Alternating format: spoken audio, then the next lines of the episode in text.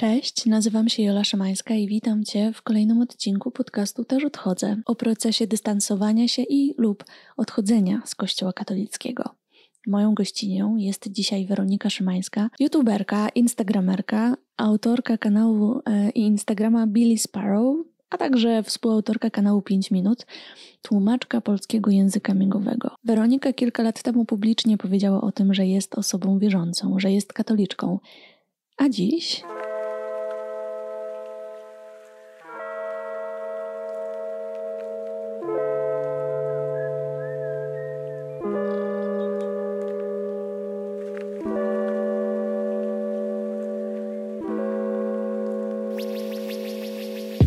Cześć, Werka. No hej.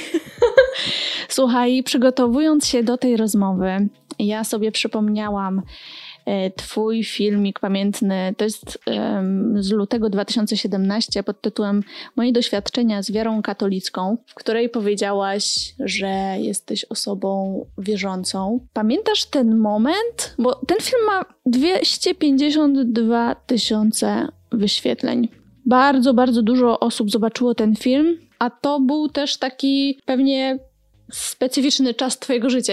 Co to był za czas? To był chyba jakiś pierwszy albo drugi rok studiów. Chyba mhm. pierwszy, bo to było nagrywane takie w kącie chyba jeszcze, nie? Takie mhm. w moim pierwszym mieszkaniu, które wynajmowałam. Więc tak, pierwszy rok studiów, taki w ogóle zupełnie sam początek dorosłości, takiej samodzielności. I z czym się spotkałaś publikując ten film? Czy jakby zaskoczyło cię coś? Opowiedziałaś tam, że, że wierzysz, ale też w taki no mega fajny sposób o tym powiedziałaś z taką otwartością i wiele osób się też już utożsamiło z nim, po komentarzach widać. Dużo pozytywnych reakcji. Mhm. Oprócz tego Karioner nagrał na mnie film. Nie. nagrał e, trzy razy chyba po 30 minut na mnie w ogóle wtedy.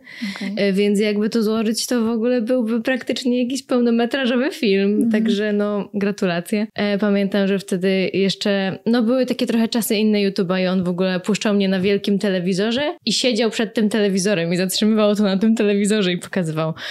Jakoś wyśmiewał? Tak, sposób? tak, tak, bardzo wyśmiewał. Wyśmiewał, jak wyglądam, jak tam mam okulary. On, jak on na mnie mówił bąk, on mówił na mnie bąk. Tak, mm. że chyba właśnie przez te okulary okrągłe, że wyglądam jak bąk. I on mówił, że mam wymyślonego przyjaciela. Coś a, takiego. A, że Boga. E, tak. No i tak sobie walił e, takie pełnometrażówki. E, no pamiętam, że wtedy w pierwszej chwili wiadomo, że no trudne to było dla mnie, przykre. Mm. Ja w ogóle no jestem wrażliwa i zawsze dzielę się też takimi bardzo intymnymi rzeczami w internecie. No więc to jest w sumie też no, do przewidzenia, że coś się takiego stanie, niestety, mm. ale to nie sprawia, że jakby jest to dla mnie łatwiejsze. Mm. Chociaż na pewno teraz już jest łatwiejsze dla mnie niż wtedy, dlatego że dużo przez ten czas popracowałam nad swoim poczuciem własnej wartości, e, dużo zrozumiałam, że każdy jest inny i nie każdy musi mnie lubić, ja nie muszę każdego lubić. No ale wiadomo, że wtedy takie teksty właśnie, że bąk, coś tam i ci ludzie potem przychodzili pod te moje filmy i pisali też jakieś rzeczy, które on kazał. E, no to wiadomo, że nie było dla mnie łatwe, ale jakby no spoko, nie? Jakby pamiętam to i to było negatywne, ale jesteśmy już e, trochę do przodu i nie mam teraz już problemu, gdyby coś podobnego się miało wydarzyć chyba. Wow, w ogóle o tym nie wiedziałam. Myślałam, że to właśnie się spotkało głównie z pozytywnymi ocenami mi ciekawe. Wiesz co, bo ja nigdy nie odpowiedziałam na żadną zaczepkę. Mhm. To była chyba taka największa, ale ja nie mam psychy na to, mhm. żeby wchodzić w takie tak, rzeczy. Tak, tak, nagrywać na siebie filmiki. Tak, mimo że prawdopodobnie to by mi dało więcej fejmu, mm. więcej wyświetleń. Mm. No teraz to YouTube już w ogóle wygląda tak, że opiera się chyba o praktycznie, kurde, na samych dramach, e, jak widzę te rzeczy, które są jakby takie naj, najbardziej popularne. Więc pewnie by mi to też coś dało, ale ja po prostu miałam zawsze w sobie taką zasadę, że ja po prostu nie opowiadam o tym innym w internecie, jakby mm. nie mówię, że on to mm. nagrał na mnie, bo tylko jakby właśnie zwiększę e, publiczność tak, e, tych treści, które nie są dla mnie mm. fajne. I jeszcze znalazłam, jak szukałam e, informacji tam wokół tego mm, filmu, artykuł na takim portalu katolickim Deon. Znana vlogerka o swojej wierze. Bóg to nie jest kiełbasa ani dezodorant. Pewnie chodziło o to, żeby, że nie trzeba go czuć. Tak. Tak, to był chyba cytat y, z braci kapucynów y, z tego, z tego wyjazdu, o którym opowiadałam okay. i ja właśnie też przytaczałam to, no tak, to Dlaczego prawda. się wtedy zdecydowałaś w ogóle, żeby opowiedzieć o swojej wierze? Bo mm, miałaś kanał, y, na którym, czy masz kanał dalej, na którym dzieliłaś się z różnymi swoimi obserwacjami, przemyśleniami młodej dziewczyny, która zaczyna studia, to, że byłaś u Ellen DeGeneres, że twój film został tam wyświetlony, to było takie niesamowite, że w ogóle w Ameryce nasza dziewczyna, nie? Z drugiej strony też słynny filmik, wiadomo, także tłumaczę facetom okres, jakby, ale także y, obok tych takich y, śmiesznych filmików były takie filmiki o twoich y, przemyśleniach, też o wrażliwości, o podejściu do życia jakby nie musiałaś mówić, nie potrzebowałaś tego do swoich zasięgów, bo, bo już byłaś wtedy, miałaś wtedy duży kanał, kiedy poruszyłaś ten temat. To jest ciekawe pytanie i wydaje mi się, że do teraz sobie go jeszcze wcześniej nie zadałam, ale mm, po prostu to była tak ważna część mojego życia. Jakby ja po prostu nie lubię fałszu i zawsze w życiu wchodzę w coś na 100%, albo nie wchodzę. Albo jakby skupiam się na czymś, albo się na tym nie skupiam, albo przyjmuję jakąś zasadę, albo, albo nie. I właśnie jak tak gdzieś koło 15 roku życia tak na maksa się nawróciłam, bo jakby pochodziłam z takiej rodziny raczej nie, nie, nie bardzo katolickiej, takiej, że okej, okay, coś tam w niedzielę pójdziemy, nie pójdziemy, tyle. I, i właśnie pojechałam na e, ten Wołczyn, na to spotkanie młodzieży e, w Wołczynie organizowane przez braci kapucynów. Koleżanki mnie tam zaprosiły, powiedziały, że ej, tam będą koncerty, będzie super spanie w namiotach i jakby to było dla mnie atrakcyjne, więc dlatego z ciekawości po prostu tam pojechałam. I okazało się, że zakochałam się w tych ludziach, w tej atmosferze i zakochałam się też w Bogu. I od tego momentu gdzieś po prostu te słowa z tych wszystkich konferencji, te wszystkie modlitwy tak do mnie trafiły, że stwierdziłam, że okej, to jest jakby coś, taka filozofia chrześcijańska, takiego po prostu życia miłością z Duchem Świętym, to jest coś, co, co ja chcę wybrać w swoim życiu. I przez wiele, wiele lat jak mam 20, niecałe 4, to, to tak naprawdę e, jeżeli coś się odbywało, no nie wiem, od 15 gdzieś do 22, tak. 21 roku życia, to, to wiele lat w sumie w moim życiu. Po prostu byłam 100% w tym. Co to znaczy 100%? Że e, wszystkie obowiązki religijne, wszystkie zasady, wszystkie, które poznawałaś, bo jeżeli dopiero wtedy, czy w wieku 15 lat tak odkryłaś e, religię, czy nawróciłaś się, to pewnie też musiałaś dowiadywać się jakichś rzeczy. Tak było? Czy wiedziałaś na przykład z lekcji religii, jak wszystko działa? Czy dowiadywałaś się na nowo? E, z lekcji religii to nic nie wiedziałam, bo tam tylko się rysowało okay. i po prostu przerabialiśmy e, co tydzień e, małego gościa niedzielnego. Ale byłaś ochrzczona, tak? Tak, tak, tak, tak, tak, tak. No po prostu takie, wiesz, no jakby pochodzę z takiej rodziny, takiej tradycyjnie chrześcijańskiej, mm -hmm. jak większość, mm -hmm. wiesz, po prostu. Okay. Ja wtedy po prostu bardzo zaczęłam przede wszystkim pracować nad sobą, dlatego, że dla mnie to oznaczało przede wszystkim właśnie pracę nad sobą. Ja byłam u spowiedzi przez jakiś czas y, co dwa tygodnie, bo jeżeli miałam grzech ciężki, według którego nie mogę przyjąć Komunii Świętej, no to szłam do spowiedzi, y, bo zależało mi na tym, żeby ją przyjmować. Mega to było dla mnie ważne w życiu. I jakby pracowałam nad tym, żeby nie popełniać tych grzechów ciężkich. I no, no właśnie to jest to, że faktycznie ja wtedy potraktowałam to tak, że to znaczy, że, że muszę pracować nad sobą i jakby dążyć do jakiegoś takiego y, niedoścignionego ideału, wiadomo, nie? Jakiejś takiej mm. postawy po prostu super dobrego człowieka postępującego zgodnie z wolą Bożą. Pamiętasz, y, jak, jak weszłaś, jak, jak właśnie nawróciłaś się, co cię najbardziej zdziwiło? Pozytywnie czy negatywnie? Nie wiem, co mnie jakby zdziwiło, ale na pewno wiem, pamiętam. Siedziałam kiedyś z moim kolegą, e, takim też e, właśnie katolikiem, który był też na tych różnych wyjazdach. Siedzieliśmy u mnie w domu i coś tam przy przyszedł temat związków partnerskich i adopcji przez e, dzieci przez osoby e, homoseksualne. Dla niego to było oczywiste, że on się z tym nie zgadza. A dla mnie to było oczywiste, że ja się z tym zgadzam. Mhm. I gdzieś po prostu ten temat wziął nas tak z zaskoczenia, bo jakby wtedy spędzaliśmy dużo, dużo razem czasu i było w ogóle fajnie i super. E, I jakby przez jakiś okres był w tym wszystkim taką moją bratnią duszą, bo jakby rozumiał tę moją fascynację i jakby właśnie tę chęć dążenia po prostu do, do bycia lepszym. Ale właśnie jakoś zupełnie no nie wiem, nie pomyślałam o tym. Mm-hmm. I ten temat jakoś tak wjechał i on tak, no nie, no bo no jestem przeciw. A ja, a no, no nie no, bo jestem za.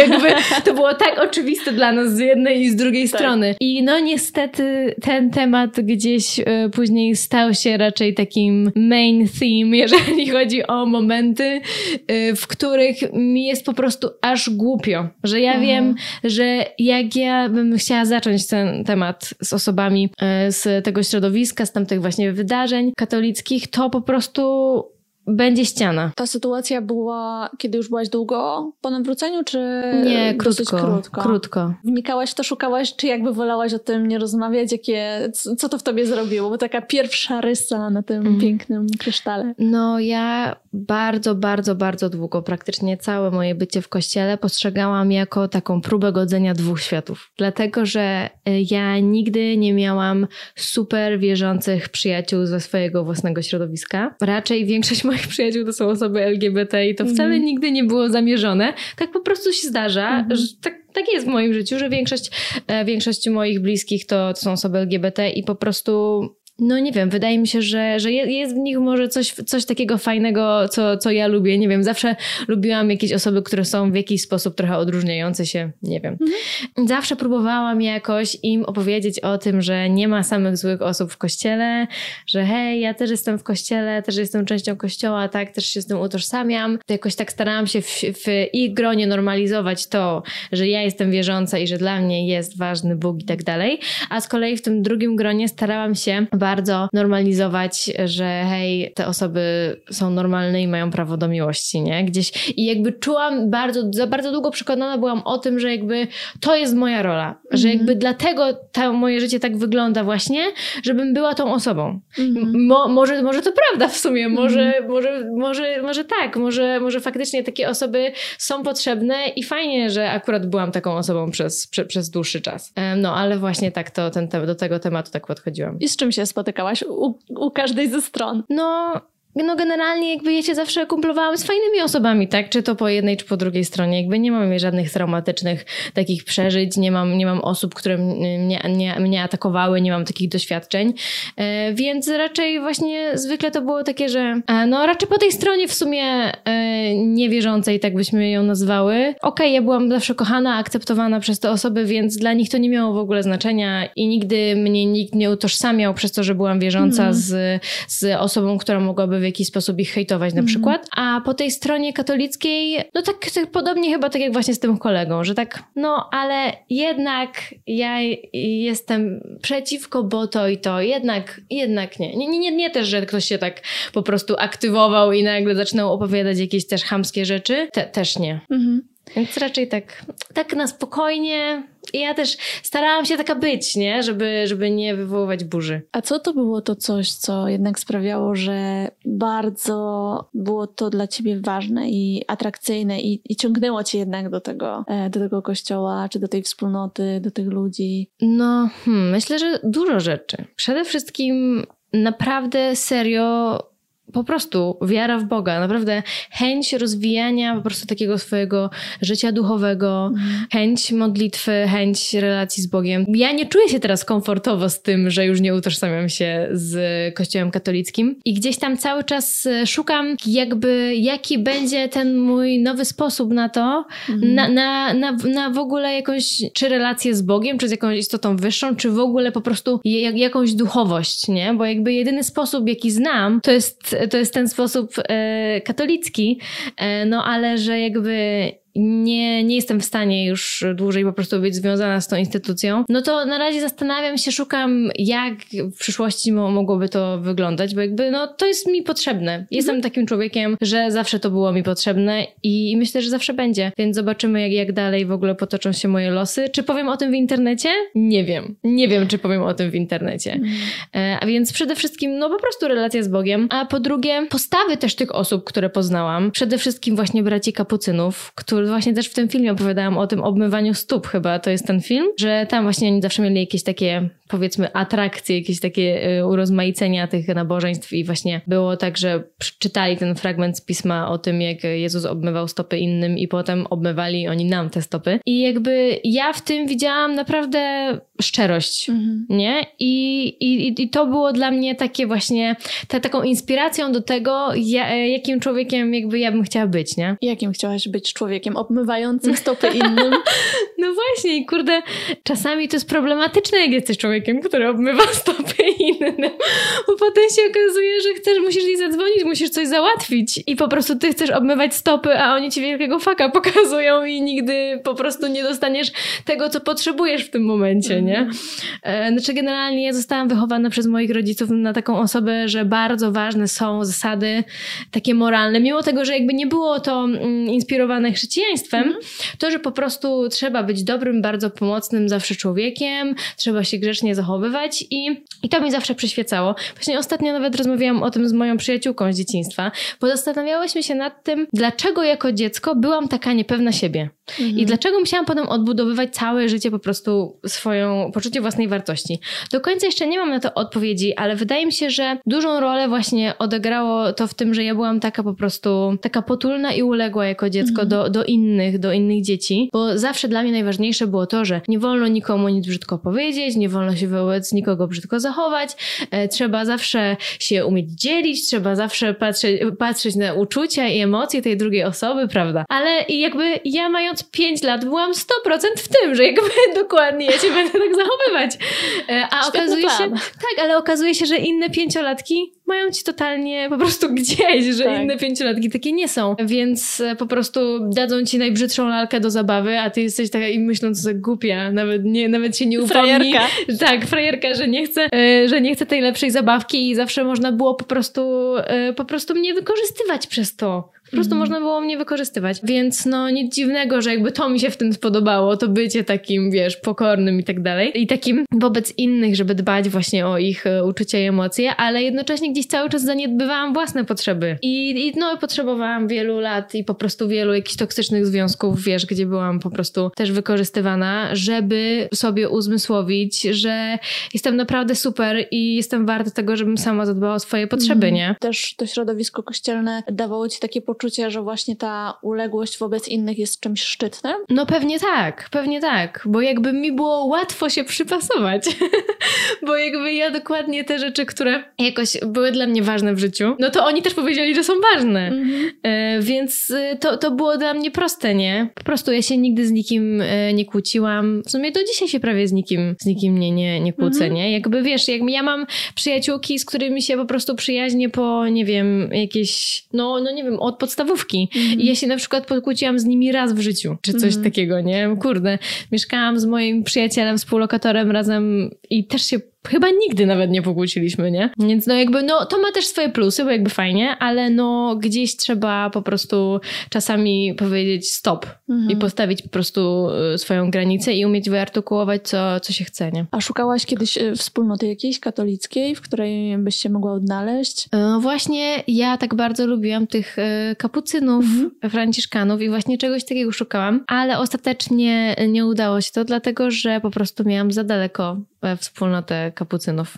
Okay. Była we Wrocławiu, gdzieś tam jeszcze coś, po prostu e, z domu z Kępna musiałabym dojeżdżać, to było niemożliwe dla mnie wtedy i przez to, przez to nie weszłam w żadną wspólnotę. A na studiach? Nie, też nie. Na studiach też szukałaś e, raczej zakony, a nie normalnych księży? Czy zdarzało ci się być też w takich kościołach normalnych? E, na studiach najwięcej... To są na studiach, znaczy generalnie tak miałam taki obraz, że raczej mi się bardziej podobają takie zakonne, mhm. ale na studiach chodziłam najwięcej do świętej Anny, tutaj przy kolumnie Zygmunta, wiesz, na placu zamkowym. Mm -hmm. Tam zawsze sobie na przykład po zajęciach, jak szłam na tramwaj, to sobie tam wstąpiłam coś tak po prostu. No i też chodziłam tam w niedzielę długo. Potem długo chodziłam na freta e, do Dominikanów. Te dwa chyba głównie chodziłam mhm. w tak w Warszawie. Pewnie zauważyłaś, ale czy ciebie to w jakikolwiek sposób zaskoczyło, że, e, że po tym filmie, w którym właśnie powiedziałaś o swojej wierze, jako właśnie ta fajna, cool dziewczyna z fioletowymi włosami, że też jesteś wierząca i że można być wierzącym, ale otwartym i wrażliwym i tak dalej, że tak wiele osób wreszcie zobaczyło, no zobaczyło w tobie takiego swojego przedstawiciela, takiego cool przedstawiciela mhm. Kościoła. Ja nie spodziewałam się, że zostanę przedstawicielem i jakby mhm. to jest rzecz, której nie przewidziałam, ale trochę nie byłam w stanie przewidzieć wtedy, bo mhm. jeszcze byłam świeżo na YouTubie, więc no jakby te liczby były, ale ja byłam tam krótko, okay. e, więc y, nie wiedziałam, że, że to będzie tak, że ja będę właśnie traktowana jako ten wzór, bo później na każdym kroku też wytykano mi jakieś rzeczy, które komuś nie pasują do bycia katolikiem. O moje tatuaże po prostu to były niekończące się pytania. Jak możesz mieć tatuaże, skoro to jest grzech? Ile razy jakby mogłam mówić, że nie wydaje mi się, z tego co wiem, to nie. Jakby cały czas. No i tak, i od początku mówiłam właśnie o tym, że jakby wtedy jeszcze nie było tego słowa, ale byłam sojuszniczką, że jakby generalnie o to chodziło, tak, że wspieram osoby LGBT. Pamiętam, jak poszłam na swój pierwszy Marsz Równości mhm. i jeszcze wtedy byłam 100% e, wierzącą katoliczką i jedna dziewczyna napisała mi na Instagramie, że czekaj, muszę sobie chwilę to przypomnieć, bo ona to bardzo konkretnie napisała i jakby gdzieś to mam z tyłu głowy, wiem. Ona mi napisała, że no tak, jak chorągiewka tam, gdzie wiatr zawieje. Raz tutaj kato katoliczka, a raz tutaj na Marszu Równości.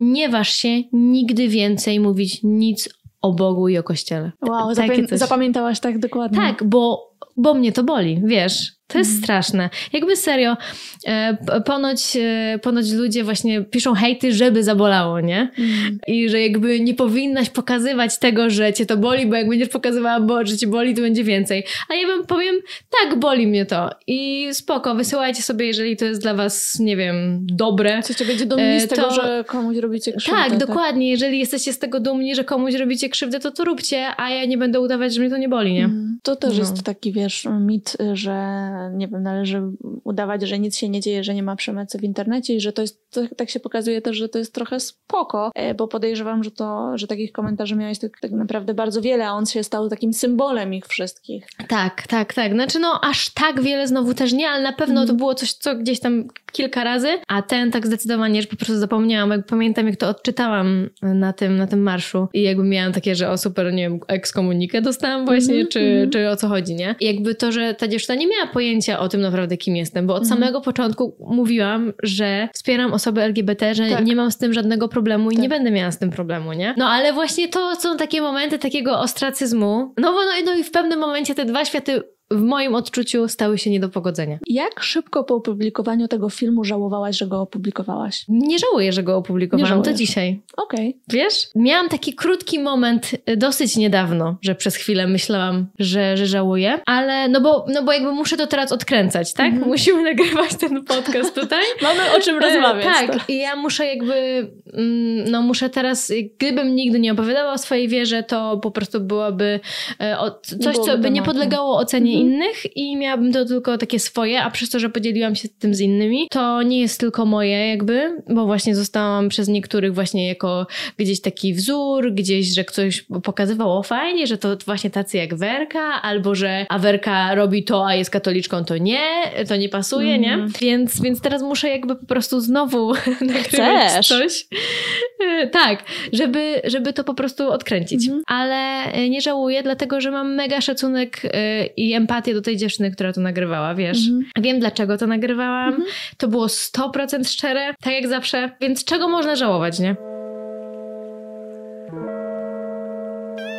Ten podcast nie mógłby powstać bez wsparcia moich matronek i patronów w serwisie Patronite, dlatego każdy odcinek jest dla nich dostępny z tygodniowym wyprzedzeniem.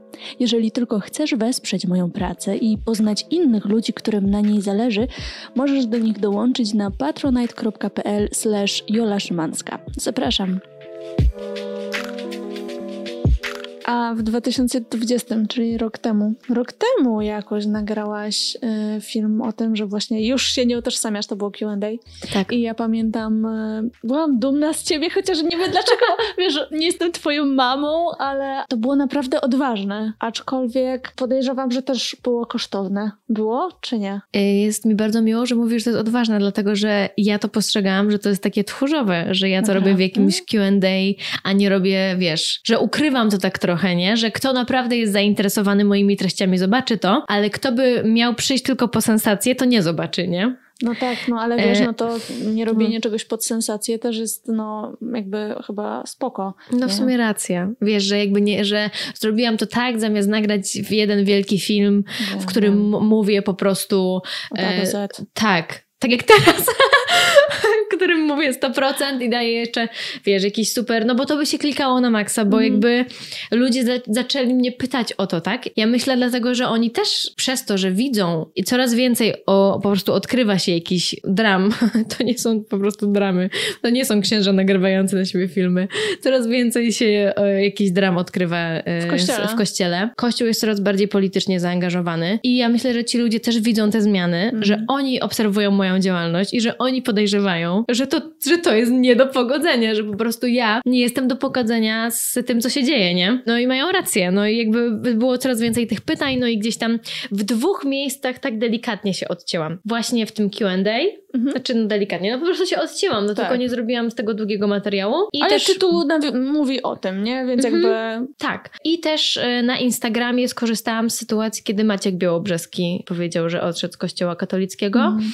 E, bo jakby myślę, że bardzo w punkt tam napisał, jakby zgadzałam się ze wszystkim, co on tam powiedział, e, więc przekierowałam do jego stories i powiedziałam na Instagramie, tam wtedy napisałam, że no ja też jakby zgadzam się ze wszystkim i podobnie to u mnie wygląda. Mm-hmm. Postaram się dać w opisie tego odcinka y, ten post Maćka, który rzeczywiście w formie takiego eseju na Instagramie wytłumaczył y, w detalach, y, dlaczego odchodzi z kościoła katolickiego, w którym był mm, od dzieciństwa i w który był bardzo, bardzo zaangażowany. Ja już przyznam, nie pamiętam tak dokładnie tego posta, chociaż zaraz może go znajdę, ale pierwszym, czy jednym na pewno z tych tematów było, był stosunek kościoła do, kościoła do LGBT. A powiedz, bo kiedy już byłaś, nawróciłaś się, byłaś w kościele, miałaś właśnie przyjaciół, e, którzy są gejami czy lesbijkami, kochałaś ich jako swoich przyjaciół, a zdarzyło ci się, że w kościele nie tylko z takich komentarzy właśnie e, kolegów czy koleżanek, że no nie do końca są fanami adopcji przez pary homoseksualne i jakoś tak wycofywania się z takich dyskusji, ale wręcz spotkałaś się z takimi otwartymi e, tekstami księży, że nie akceptujemy, że to jest zło, że to trzeba leczyć i tak dalej, tak dalej. Pamiętasz takie sytuacje? Wiesz co, raczej tylko z tych materiałów materiałów w internecie, które okay. sama szukałam, bo jakby Czyli wiadomo, publicznej. po prostu tak, no bo y, no co chyba jest jeszcze gorsze, no tak? Że, bo, Ta, nie, bo, że, że to jest tak, tak, przyzwolenie tak. po prostu jest 100%, tak, tak, Że to jest już tak oczywiste, że w zasadzie już nie trzeba Do, tego Dokładnie, mówić. że nie trzeba gdzieś tam w kuluarach sobie szeptać, tylko tak. że to aż można być takim bohaterem, jak się to powie publicznie, prawda? W, tak. Gdzieś przez niektórych tak to może być odbierane. Tak, w tych materiałach, no bo wiadomo, przyswajałam dużo materiałów katolickich różnych e, z internetu i jakby zawsze zawsze to po prostu jednoznacznie po prostu grzech mamy związane ręce mm. i mhm. jakby no, na tym się to kończyło. A jeżeli chodzi o takie prywatne rozmowy, to nie, dlatego że no i właśnie dlatego chyba ja zawsze byłam taką trochę samotną wyspą mm. w tej swojej wierze, wiesz, dlatego nie byłam w, żadnym, w żadnej wspólnocie, e, bo ja wiedziałam, że, że tam będą te rzeczy, że ja się będę aż gotować. Że no niby to tłumaczenie, ale, ale co ja mam bronić podstawowej godności po prostu mm. najważniejszych osób w moim życiu. No, nie, nie dopytywałaś księży, że dlaczego? Nie, nie, no bo ja dobrze jakby no wiem, co mi powiedzą, tak? A, a jakby właśnie w jakimś sensie jest to dla mnie z jednej strony żenujące, że, że musiałabym bronić po prostu e, jakichś podstawowych praw e, moich przyjaciół, a z drugiej strony też bardzo boli mnie to. Jakby od zawsze ta kwestia po prostu wywoła, wywoływa we mnie takie emocje, że ja po prostu nie umiałam, nie umiałam się z tym pogodzić, nie? Że mam moich przyjaciół, którzy są po prostu super świetnymi ludźmi, są super dyskryminowani, nie dostają akceptacji często nawet od swojej najbliższej rodziny tak. i po prostu są tylko kopani, kopani, jeszcze raz po, kopani, nie? W ogóle, w ogóle moja ostatnia spowiedź, yy, która była no no nie wiem, dwa, trzy lata temu, dwa lata temu, coś takiego. Y, I gdzieś to był taki, gdzieś to był koniec. Była taka, że właśnie poszłam do tego konfesjonału, w ogóle się popłakałam totalnie, bo powiedziałam, że ja nie mogę, że, że, że mi się po prostu nie zgadza. Mam taki dysonans, nie? Że, że mam po prostu za dużo przykładów moich przyjaciół, którzy są odpychani właśnie przez nawet ich własną rodzinę, czy coś takiego, czy nie mogą im powiedzieć i widzę, że to jest taka spirala nienawiści, nienawiści nakręcana przez Kościół. I jak powiedziałam, że przez Kościół, to, to, ten, to ten ksiądz w tym konfesjonale się w ogóle zaśmiał. I powiedział, że e, no, no, przez Kościół, a kto to jest ten Kościół? No, instytucja, co ty też jesteś Kościołem? I takie po prostu... Wiesz, w ogóle ja, ja tam poszłam z taką największą desperacją, żeby coś jeszcze dostać, wiesz. I tak. nie dostałam. Nadzieja. No. Czekaj, musimy zrobić przerwę, bo to jest ciężkie.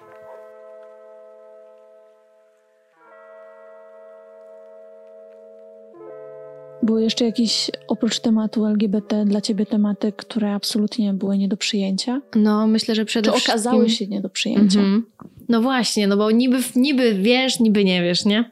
Przede wszystkim dla mnie to, jak bardzo Kościół angażuje się w politykę, i to jest po prostu w 2021 roku jesteśmy już w tak dziwnym, chorym punkcie, że, że to jest niesamowite. Jak gdzieś tam się nawracałam, to mój tata zawsze był taki sceptyczny, bo on po prostu już przeszedł tę drogę, nie?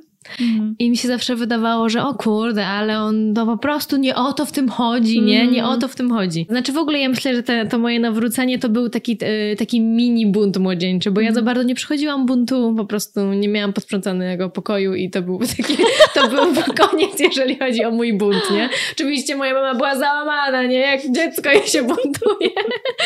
I to w sumie tyle. Tak. I w jakimś sensie mm, myślę, że to nawrócenie było, było właśnie tym, co ja robiłam robiłam zupełnie inaczej niż moja rodzina, nie? Mhm. Bo właśnie szczególnie mój tata był taki sceptycznie nastawiony. Mimo tego, że on właśnie też jest takim idealistą, nie? I tak trochę zawsze się zastanawiałam, co się stało, że jak już idziemy do tego kościoła, to on tak zawsze, zawsze, nigdy mój tata nie siadał w ławce. Tylko stał na samym końcu i po prostu oglądał. I zastanawiałam się zawsze, jaka, jaka była ta jego historia i myślę, że po prostu była podobna. Że on też gdzieś miał jakieś wyobrażenie, bo żył sam zgodnie z bardzo taką konkretną taką właśnie moralnością i w ogóle dlatego też mnie tak wychowywali, że tu zawsze być takim dobrym człowiekiem. I że on po prostu też zobaczył, że niestety często to nie ma nic wspólnego z, z byciem po prostu katolikiem i niebyciem katolikiem, nie? Mm. I z wiarą i niewiarą. No i właśnie on był taki sceptyczny, bo po prostu on już wiedział, że tak naprawdę to jest ogromna instytucja i, i po prostu osoby, które nią zarządzają, bardzo są właśnie zamieszane w,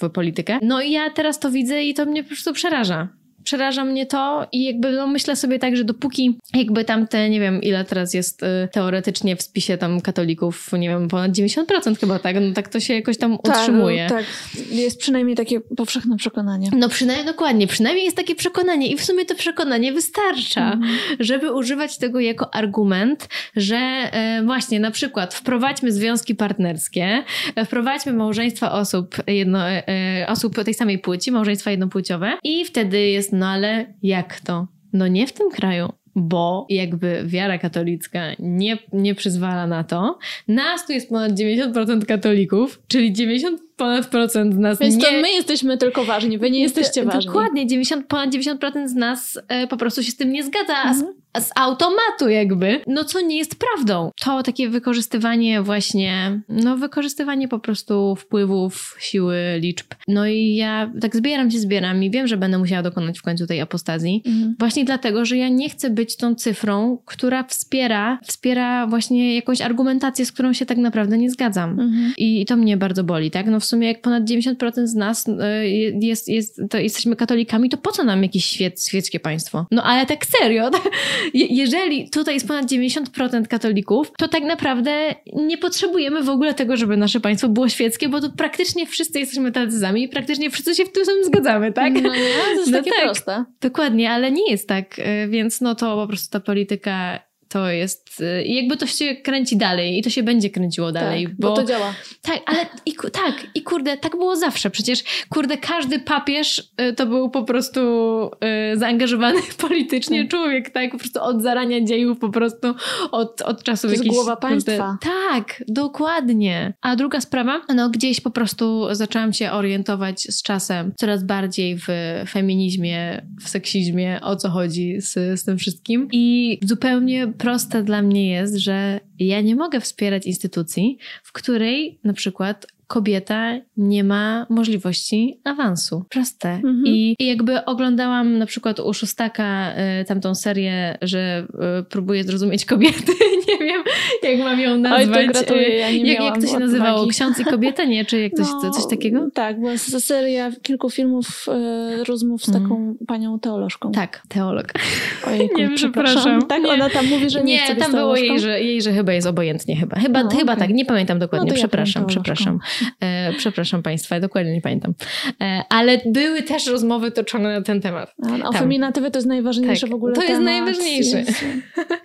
no ale właśnie i oni rozmawiali o tym, a nie, przepraszam, to ta sama pani e, teolożka była u Samołyka też. I tam mówiła o tym, że to jest niebiblijne, żeby kobiety obejmowały takie stanowiska, takie, a nie inne w kościele, jakie obejmują mężczyźni, że po prostu to jest sprzeczne z jakimiś dygmatami, tak, jeżeli dobrze tutaj mówię, to jest po prostu sprzeczne generalnie z tym, jak ma funkcjonować katolicyzm. Więc, wow. więc ja mam takie, że no okej, okay, jeżeli to jest sprzeczne, to, to nie ma dla mnie problemu, tylko ja nie będę w tym uczestniczyć mhm. po prostu. Oczywiście chodziło o to, że kobiety nie mogą być kapłankami, tak? No ale, no, no, no, no ale a, a, a kim innym mają być, jak mają się jakoś liczyć? Tak. Ktoś ma się z nimi liczyć, tak, no wiadomo, tak. że... Nie, no, to, no bo wiesz, no bo to chodzi, e, okej, okay, można to na przykładzie e, kapłanek, czy no kapłanek, ale zobaczmy na siostry zakonne, w jakiej są sytuacji no, i jakie są im zadania wyznaczane, w jakiej roli e, No to jest, y, różnica jest ogromna. No i też mnie fascynowało, że tam było tyle takich momentów, gdzie, gdzie ojciec szóstak był szczerze zdziwiony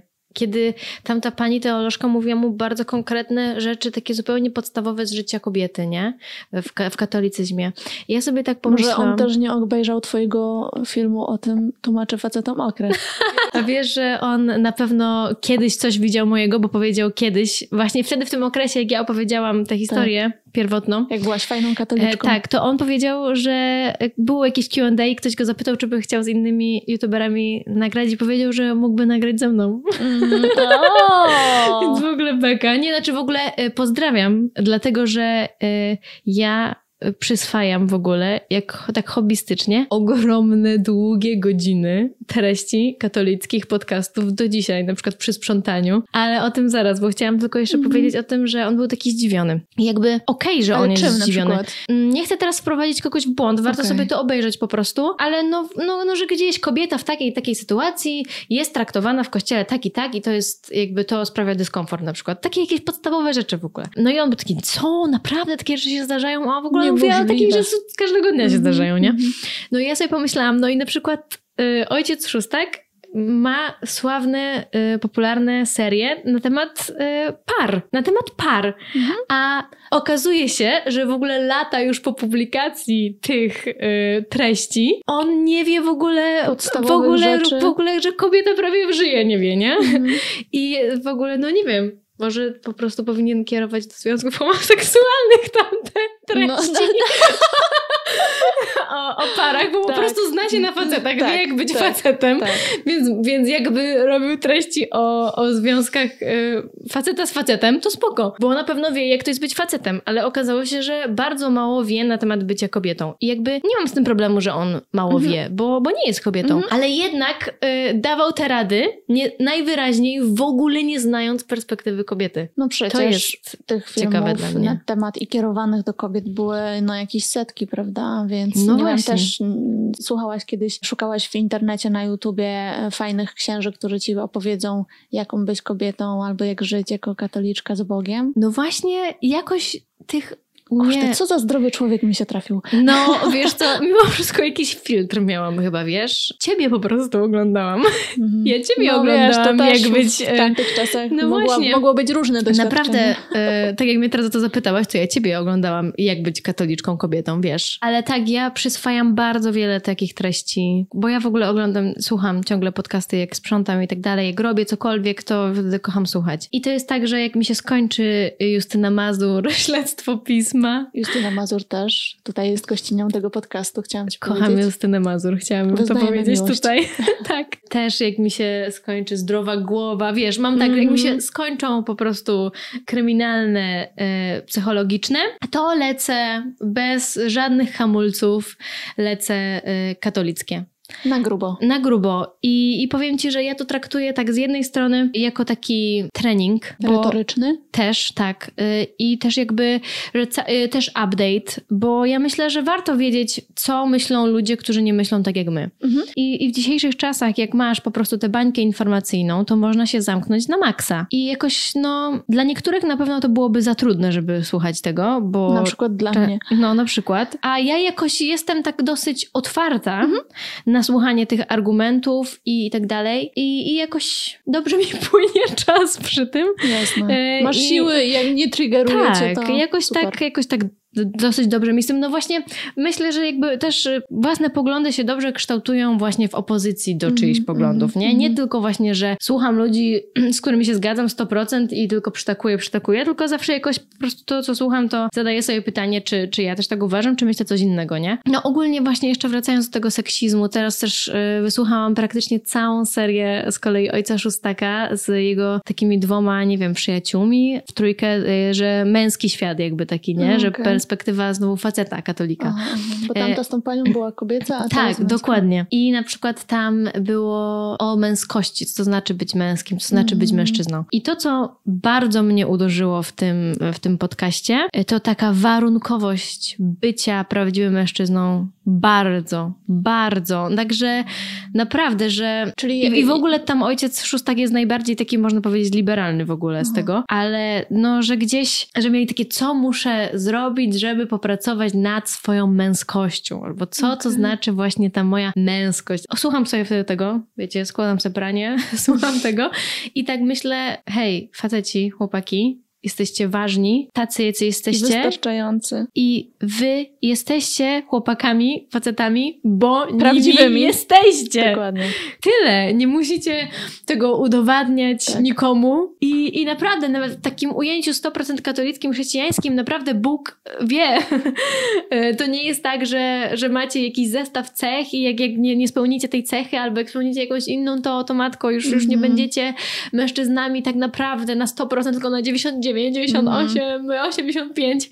Jakby i, i gdzieś widzę w tej warunkowości widzę źródło tego strachu przed LGBT, wiesz? Że, okay. że to po prostu jest. Bo jak nie będziesz tym prawdziwym, tak. to może. No nie wiadomo LGBT. kim, wiesz, wiadomo albo kim, też, okay. że o, trochę osoby LGBT przychodzą i burzą jakiś ład. Mm. I jak ja mam się w tym ładzie odnaleźć, wiesz? To mi się wydaje, że to jest takie trochę, to, to, to jest takie trochę źródło e, takiej mocnej fiksacji, wręcz, wręcz bym powiedziała, ogólnie kościoła katolickiego na osoby LGBT chyba. Bo wiesz, ja, ja też, ja na przykład, ja zawsze się utożsamiałam, że jestem hetero, jestem ogólnie 100% hetero, nigdy mi się dziewczyna nie podobała, ale w sumie teraz tak, no. Z, zorientowałam się, że y, istnieją osoby transpłciowe i że jakby cechy takie fizyczne wcale nie decydują o tym, czy ktoś jest jest kobietą czy mężczyzną. A wcześniej mi się wydawało, że no to jestem hetero, no bo podoba mi się to i to, bo to są cechy męskie. Ale na przykład ja, no akurat już mam męża, więc jakby tutaj zamknięta.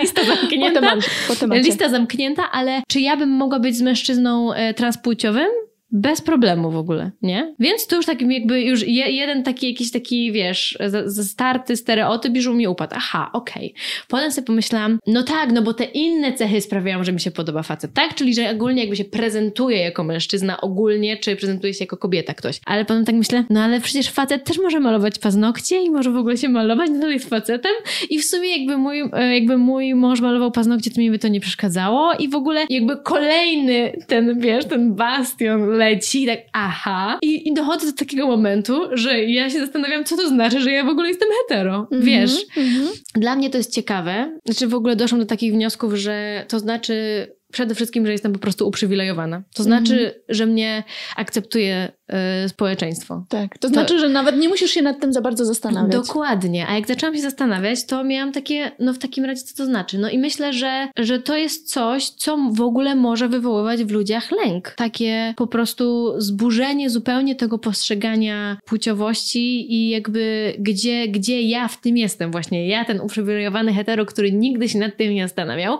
i ktoś tu przychodzi, wprowadza jakieś nowe zasady, halo, halo, ja nie znam tych zasad, ja, się do, ja mam inne swoje zasady, zawsze takie były i, i to jest prawda. I jeszcze nie? bardziej szukasz jak być tym prawdziwym mężczyzną i może jakiś ksiądz no. mi tutaj powie, co mogę, co, jak, odkąd, gdzie i jeszcze tak, gdzie, na jakie tak. pojechać i ja, Jak być najbardziej tym prawdziwym mężczyzną, tak. żeby, żeby przez przypadek gdzieś mój świat trochę w tym nie runął, nie? No i, I do jakich to lęków też mężczyzn, bo to myślę, że tak jak na pewno mówisz bardziej, o seksizmie, bardziej to także jest do, seksizm, no Tak. Tylko no dotyczący tak. ich. Tak, tam też w tym podcaście właśnie e, panowie rozmawiali o tym, że tam padło takie słowo, że mężczyzna zniewieściały, ale tutaj ojciec It's... tak powiedział, Aha. że tak się nie mówi, że o, bardzo wow. obraźliwe. Brawa znaczy, dla ojca nie, brawo, brawo. Ja ciągle pozdrawiam, bo ja naprawdę lubię przyswajać te materiały. E, I, I właśnie to jest to, że mężczyzny zniewieściały, bo w momencie, kiedy mu przypisuje się stereotypowo kobiece cechy, no to jest gorszy, tak? Bo kto posiada te cechy, ten jest gorszy. A jak, a jak jest taka baba zaradna, co, co ma więcej takich jakichś e, cech właśnie stereotypowo męskich, no to super, nie? Bo sobie poradzi to jakby fajnie, nie? No to jest ciekawe bardzo i takie wielowymiarowe, jakby wszystko się tak łączy gdzieś, nie? No tak, no bo rozumiem, że też szukanie, czy tak, e, szukanie jakichś takich prostych zasad, które to wytłumaczą, odkąd jest kobieta, dokąd jest mężczyzna i coś tam, to jest jakieś tak. takie szukanie swojego tego poczucia bezpieczeństwa tego świata dziecięcego, w którym, w którym była mama, był tata, jeżeli tak było mhm. E, i, i wszystko było proste tak. i takiej tęsknoty za tym. E, tak, mnie zawsze w ogóle, zawsze mnie nurtowało i w sumie nie wiem, jaki stosunek Kościół ma do osób interpłciowych, tak? To się chyba nazywa, czyli że rodzą się na przykład z jakimiś takimi organami, które są troszkę pomiędzy i nie da się na tym etapie stwierdzić. Tak. Wiem, że też genetycznie można mieć inne układy też chyba chromosomów, tak? Przepraszam, biologia, ja nie, ale, ale, ale jakby z tego, co się dowiedziałam do tej pory. Czy w ogóle jest miejsce w tym nauczaniu na to? Czy to nauczanie w ogóle przewiduje taką sytuację, że to się dzieje? Czy oni w ogóle, w ogóle wiedzą, że tak bywa? Nie wiem. Nie wiemy. Ja bym strzelała, że, że pewnie wtedy jest taki pogląd, że no to jak lekarz zadecyduje, no bo to z tego też, co wiem, no tak. lekarz decyduje um, jaką płeć fizyczną, no. prawda, będzie mieć to dziecko i, i w stosunku... No ale gdzie jest ta natura wtedy? No tak. No, no nie, właśnie, nie, nie wiem. Gdzie jest ta natura? Natura, a to, która jest zawsze głównym argumentem. No, tak. no nie jest w lekarzu. Tylko no, w tym, tak. jak Może się Bóg ktoś urodził bardziej. Może tak. A pytanie, no, czy on jest jestem ciekawa. Nie jest? No właśnie. No, to jest pytanie otwarte. Możecie zostawić je sobie na dzisiejszą y, refleksję. Myślisz o apostazji, a nie martwi cię to, jaką formę ma apostazja? W sensie, że nawet ksiądz ma, zdaje się, obowiązek odesłania ciebie, żebyś jeszcze wróciła i jakby wnioskowania tutaj, żeby cię wypisano i tak dalej. E, Bar- Czy dla ciebie to jest okej? Okay? Bardziej chyba odkładam to dlatego, że po prostu zebranie jakichś papierów, coś, co tam mm, trzeba z czymś przyjść, bardziej to jest dla mnie barierą, żebym sobie dołożyła jakby gdzieś e, w tym życiu w biegu kolejny obowiązek załatwiania jakichś papierów i jakieś jakby, jak nie mam deadline'u, to nie potrafię czegoś załatwić i nie mam deadline'u. O najgorzej. Nie mam deadline'u, więc dlatego to się tak trochę przekłada. Mhm. Trochę dlatego, że cały czas przygotowuję się psychicznie. Do tej pory jeszcze nie czułam się tak w pełni gotowa, żeby to zrobić i tak czy tak. Gdzieś dojrzewam do tego, przygotowuję się właśnie psychicznie na, na, do, na to, na takie zmierzenie się, nie? Ale załatwianie spraw ogólnie y, zawsze było dla mnie trudne przez to, że ja dzwonię i mówię, halo, potrzebuję to i to. Nie, nie, to proszę zadzwonić pod ten numer. Dobrze, dziękuję. Dzwonię tam. O nie, nie, nie, to proszę tam, tak, dzwonię tam. Tak. A nie, nie. I odsyłają mnie do tego pierwszego, nie? Bo po prostu jestem zbyt taka uległa i przygotowuję się raczej na bycie właśnie taką stanowczą. Jakby uczę się tego w ogóle w załatwianiu spraw i jakby w artykułowaniu moich moich potrzeb, nie? Mhm. Dorastając gdzieś tam od tego 15 roku życia w kościele, pewnie też nie ominęły cię e, te różne narracje o czystości przedmałżeńskiej, małżeństwie, coś tam, coś tam, coś tam. No to jednak jest taki pień E, w zasadzie tej narracji kierowanej do młodych e, osób, a zdecydowałaś się na ślub. Też często mam wrażenie, jeżeli ktoś mówi, że wychodzi za mąż, że bierze ślub, jest to od razu uznawane, że no to kościelny, no bo jak żeby inne, prawda, nie ma innych Inne są nieprawdziwe, inne w ogóle ludzie tak myślą, naprawdę. No więc jak tu widzisz jakby swoją drogę? Czy to była dla ciebie trudna decyzja, czy w ogóle na przykład jak katolik ci, o, tu myślę, że taki komentarz pewnie by się pojawił, gdyby można było komentować ten podcast, e, że no to po co ci ślub? Jak, jak nie jesteś wierząca, to po co ci ślub? Naprawdę takie pytanie zadają katolicy? W sensie... No a po co świętujesz wow. Boże Narodzenie, skoro już nie jesteś wierząca? Bo mam przerwę yy, na studiach i jadę wtedy z domu, a tam już zebrana choinka.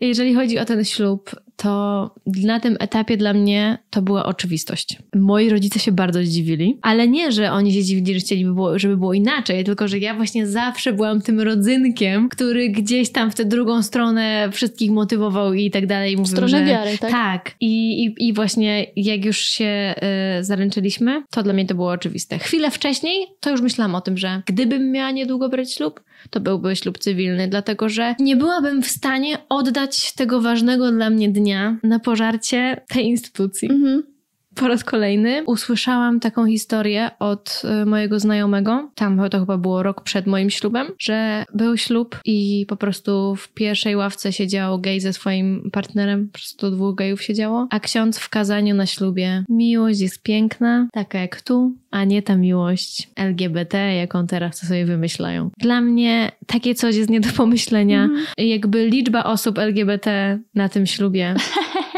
Mimo, że to był mały ślub. W sensie realnie, gdyby to był ślub kościelny, to ja bym musiała wcześniej porozmawiać z tym księdzem i powiedzieć mu, że na wszelki wypadek proszę nie obrażać LGBT, bo mhm. jest ich tutaj wielu. W sensie ja bym musiała, musiała, bo ja bym nie mogła dopuścić do tego. Jeżeli takie rzeczy się dzieją, to ja bym nie mogła dopuścić, żeby coś takiego się działo tak. u mnie. I, I co? I ja bym miała powiedzieć, do, do tego księdza, że przepraszam, dzisiaj proszę nie obrażać nikogo na mhm. wszelki mm. wypadek, tak tylko przypomnę. No, bo to no ważny tak dla mnie się dzień. Wymsknąć, prawda? No właśnie, no ale w ogóle skąd taki pomysł, nie? Na czymś ślubie, zamiast, zamiast powspominać, skupić się tutaj na tej parze, na ich mhm. szczęściu, to są znowu jakieś wycieczki po prostu dalekie, zakrawające o, o jakieś takie światopoglądowo-polityczne kwestie, które nie są związane z tym, co dzieje się w tym tak, momencie, tak? tak? Po, co po, co w ogóle coś takiego? Więc y, po prostu to już było dla mnie oczywiste. Tym mhm. bardziej, że mój mąż jest niewierzący mhm. i zawsze był niewierzący. On był taki, że no jak się związał ze mną, to ja jeszcze gdzieś jeszcze się utożsamiałam, ale to już były takie po prostu takie pokaszliwania.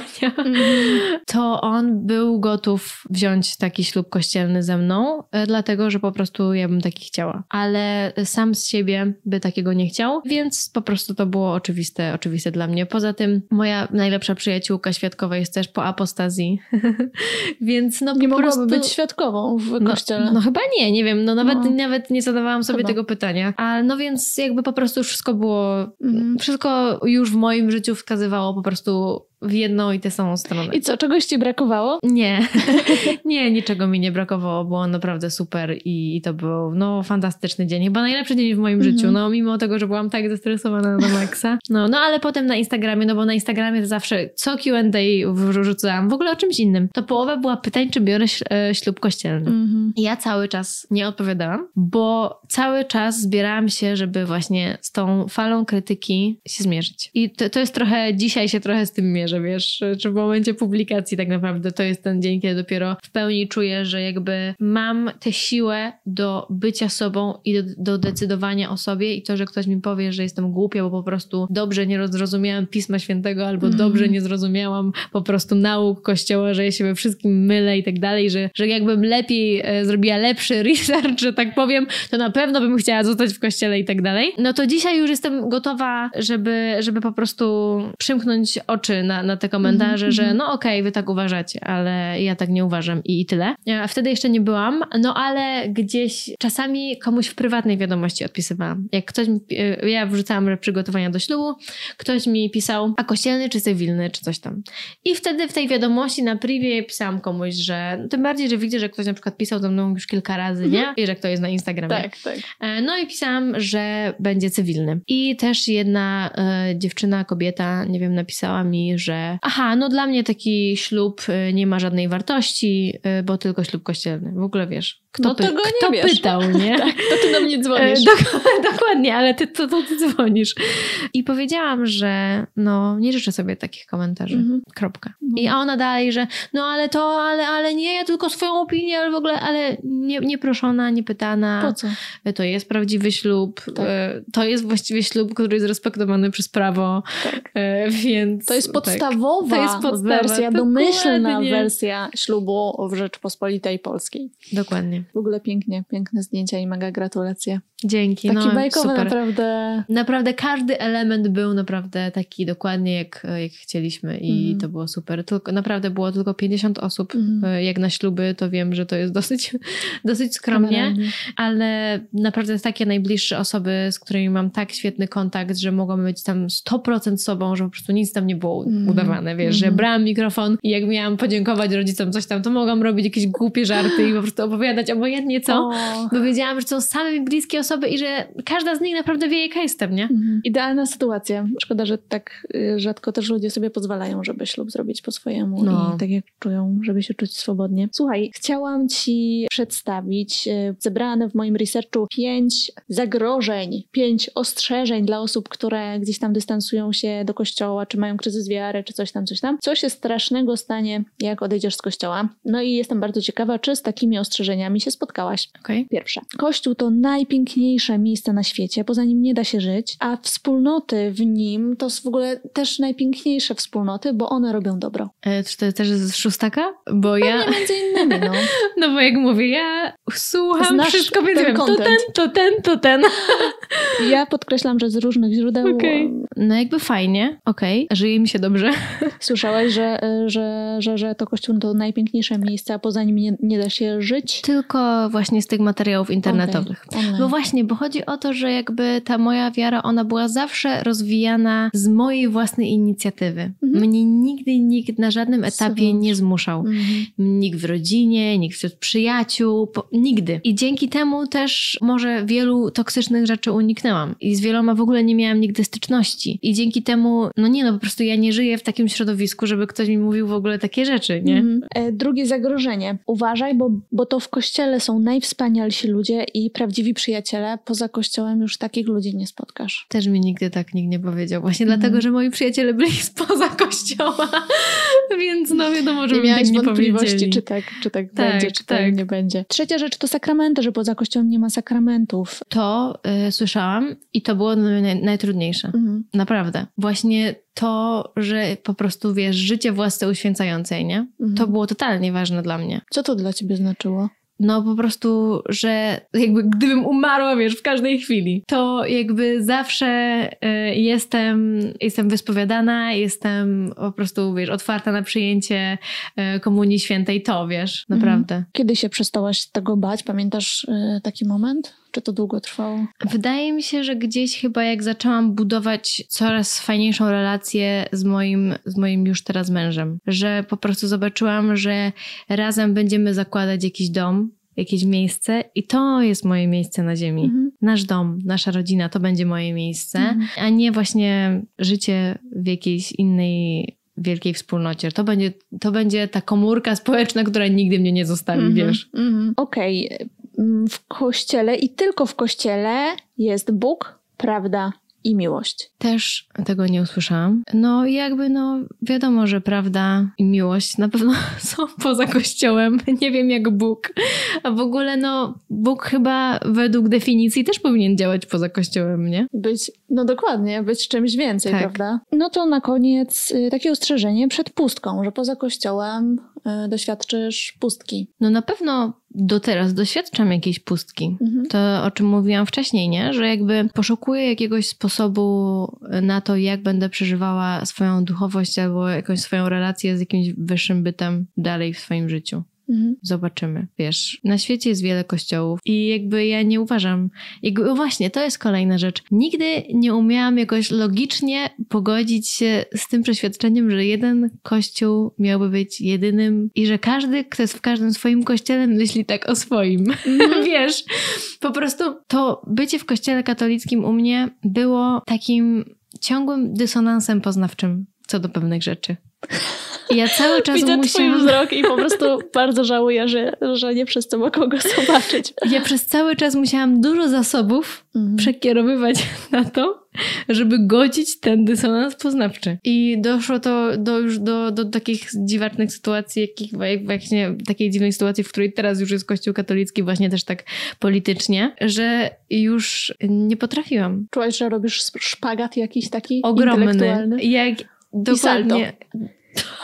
Wielkie.